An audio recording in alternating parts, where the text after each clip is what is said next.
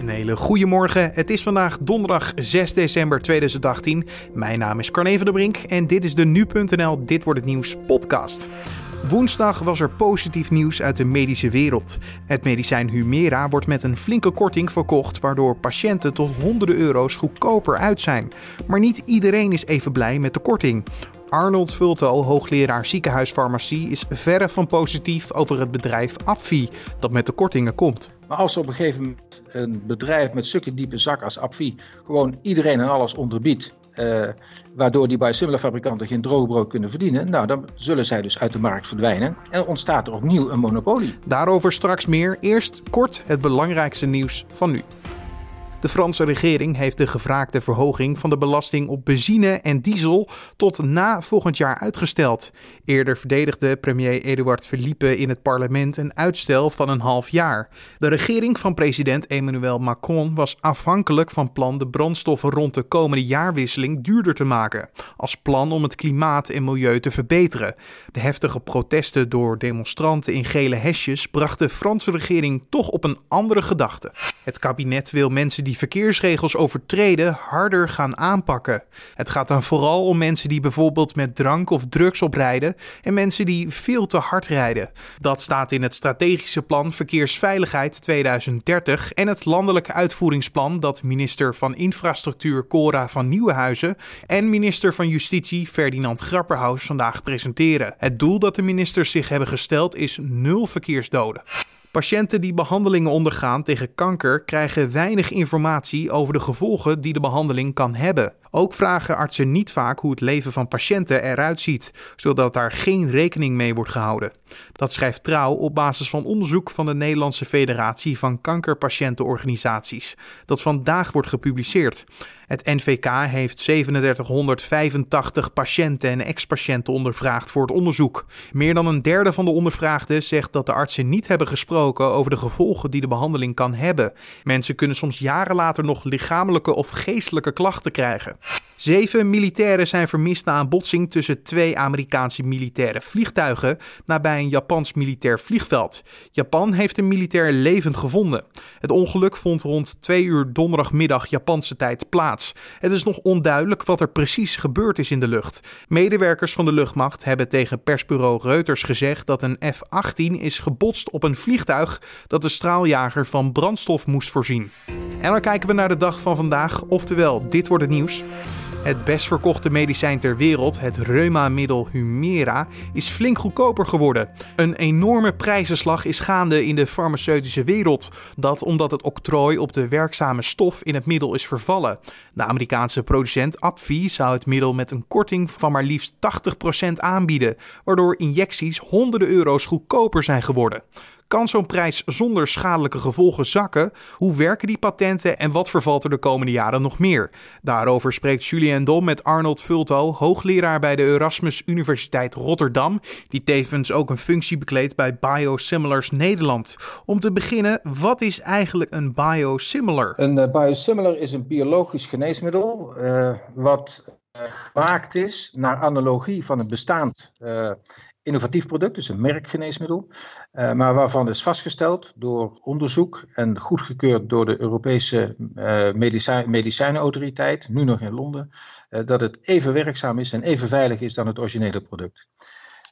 Die middelen die worden op een iets andere manier gemaakt en ontwikkeld met de onderzoek en daardoor is de ontwikkeling daarvan goedkoper en daardoor kunnen die middelen ook goedkoper op de markt komen. Maar ze zijn kwalitatief zijn ze zeker zo goed als het origineel. Woensdag in het nieuws kortingen van wel 80% op Humira. En die prijs zakt daardoor nu met honderden euro's. Um, als we even naar dat middel dan kijken, hebben al die mensen, al die patiënten jarenlang veel te veel geld aan betaald? Uh, ja, ja, het is natuurlijk een insinuerende vraag die u stelt, maar dat roept het bij mij wel op, ja. Ze hebben altijd gezegd, uh, dat hoor je altijd van de industrie, hè? de geneesmiddelen is duur omdat het allemaal zo uh, duur is om te ontwikkelen en uh, duur om weet ik wat allemaal te doen. En nou ineens van de ene dag op de andere dat er 80% korting gegeven kan worden. Nou, dan heb ik het gevoel dat ik de afgelopen jaren te veel heb betaald, ja. Ontwikkelingen, daar zegt u het eigenlijk al, want moest Humira dat geld dan misschien terugverdienen omdat zij zoveel hebben ingestoken in die ontwikkeling van dit reumamiddel? Nou, het, overigens, om te beginnen, uh, het is niet een, zomaar een reumamiddel. Humira is een heel goed geneesmiddel, wat wordt, in, wordt ingezet bij ontstekingsziekten. En een van die ontstekingsziekten is reuma. Maar een veel grotere markt is in feite de, markt van de ontstekingsziekte van de darm. Dus, dus het is een middel wat beter ingezet kan worden, wat kwalitatief heel goed is. Maar wat oorspronkelijk ontwikkeld is met Engels belastinggeld. Dus ja, wat, ze hebben vooral geïnvesteerd in, het, in marktbehoud. En niet in een vernieuwend geneesmiddel. Maar ze zijn inmiddels dus wel dat, dat bedrijf is voor 60% afhankelijk van dit middel. Hè. De wereldomzet van dit middel is 20 miljard dollar per jaar, dit jaar. Vorig jaar was het 17 miljard. In Amerika gaat de prijs met 10% per jaar omhoog. En daar gaat dit gevecht om. In Europa is dus nu het octrooi op de werkende stof vervallen. Maar API heeft hier een deal gesloten met andere producenten. Wat betekent dat precies? Eh, om te beginnen moet ik zeggen dat het patent op Humira, het stof is in 2017 verlopen. Maar API denkt dat zij op basis van specifieke uitvindingen, zoals zij dat zeggen, die gedaan zijn, de dosering zoals die toegepast wordt bij reuma zoals die toegepast wordt bij uh, ontstekingsziekten, dat dat hun intellectueel eigendom is. En op grond daarvan uh, proberen ze dus bij fabrikanten buiten de deur te houden. En er is dus nu een deal gesloten door een aantal bedrijven, eigenlijk alle bedrijven die nu op de markt zijn. Ze mogen na 16 oktober 2018 ongestoord op de markt komen in Europa. We hebben een merkwaardige situatie dat dus een aantal fabrikanten afspraken hebben en ook licentierechten betalen aan APVI om het middel in Nederland op de markt, eh, in Europa op de markt te mogen brengen. Aan de ene kant. En nou komt dus die markt vrij. En wat doet AFI? Die gaat onder al die fabrikanten uh, onderbieden. Dus ze krijgen gewoon geen kans op de markt. Nou, als ik met u een afspraak heb, ik zeg van nou, ik, ik kan ongestoord op de markt komen en ik ga u daarvoor een vergoeding betalen, dan zou ik het heel raar vinden als u vervolgens het mij onmogelijk maakt om op de markt te komen. Een meedogenloze Amerikaanse marktpolitiek is dat. Typisch wat er in, in, in zo'n land, in zo'n raar land, gebeurt. In Amerika betalen de patiënten voor diezelfde injectie, die nu dus hier in Nederland 85 euro kost, betalen meer dan 1000 euro. En het gaat 10% per jaar omhoog. Er wordt niet ingegrepen. In Amerika, wie moet er ingrijpen? De president? Die noemt dit fake news. Dus uh, laat maar zitten. Daar hebben we niks van te verwachten. Hoe toekomstbestendig is de markt dan nu hiermee geworden als we kijken naar de langere termijn? Wat, wat kan hier het doel van zijn? Ik, ik denk dat het doel niet anders kan zijn dat APVI door deze eh, marktstrategie uh, probeert enerzijds de markt te houden, anderzijds de markttoegang voor de biosimilars te blokkeren en daardoor er geen toekomst is voor de biosimilars. De, de kracht van biosimilars is dat zij marktwerking op gang brengen en daardoor in de breedte de zorg langdurig betaalbaar kunnen houden. Maar als op een gegeven moment een bedrijf met zulke diepe zak als Apvi gewoon iedereen en alles onderbiedt, uh, waardoor die fabrikanten geen droogbrood kunnen verdienen, nou dan zullen zij dus uit de markt verdwijnen en ontstaat er opnieuw een monopolie. Nou, en wij weten uit Amerika wat dat betekent. We hebben in Amerika dat gezien met andere merkloze geneesmiddelen, die op een gegeven moment heel goedkoop waren, waar de ene na de andere fabrikant uit de markt verdween. Op een gegeven moment was er nog één fabrikant over en dan krijg je dus ineens een enorme prijsstijging. In Nederland hebben we dat gezien met het middel Lediant. mooi verhaal zoals dat het AMC geprobeerd heeft zelf te maken. Dat is een middel dat is 30 jaar oud. Dat kost helemaal niks.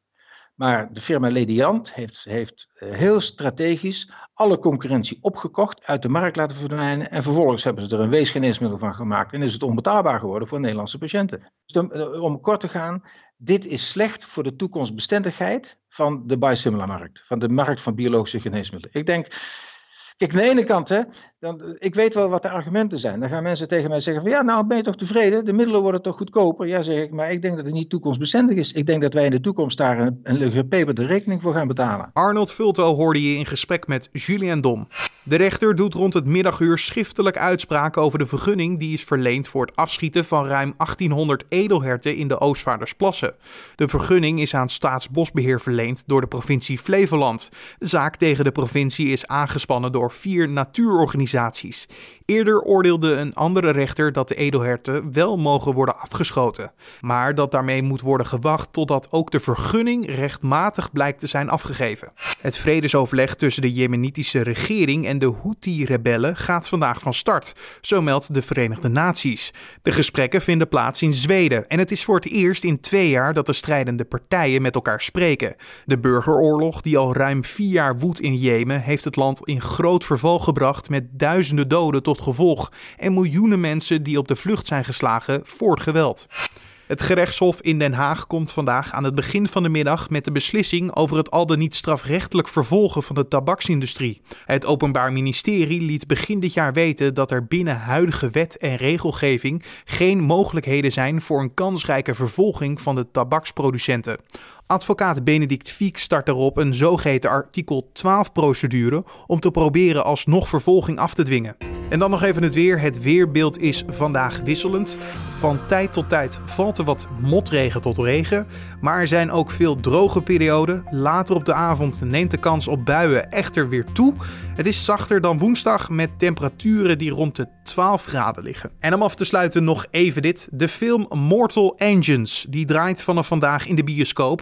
Voor nu.nl mocht onze collega Fabian Melgers langs bij regisseur Peter Jackson. Bekend van The Lord of the Rings. Fabian vroeg Jackson naar het Nederlandse randje van de film. Namelijk de man achter de muziek. Tom Holkenborg, oftewel Junkie XL.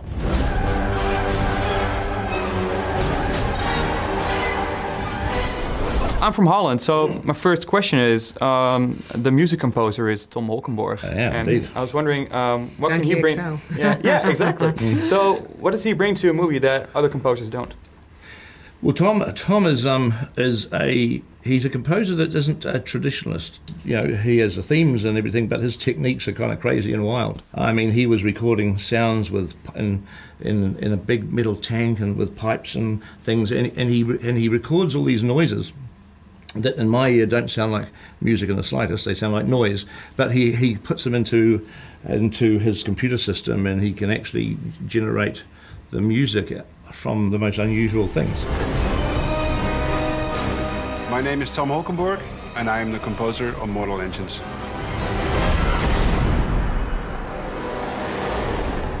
Een bijzondere manier van muziek maken. Zo noemt Peter Jackson het dus eigenlijk. Het hele interview met Peter Jackson en acteurs van de film is vandaag te vinden op nu.nl. En dit was dan de Dit wordt het nieuws podcast voor deze donderdag 6 december. Je vindt deze podcast natuurlijk elke maandag tot en met vrijdag om 6 uur ochtends op de voorpagina van nu.nl. En je kan ons laten weten wat je van deze podcast vindt. Dat kan je heel makkelijk via een recensie in iTunes of een mailtje naar podcast.nu.nl.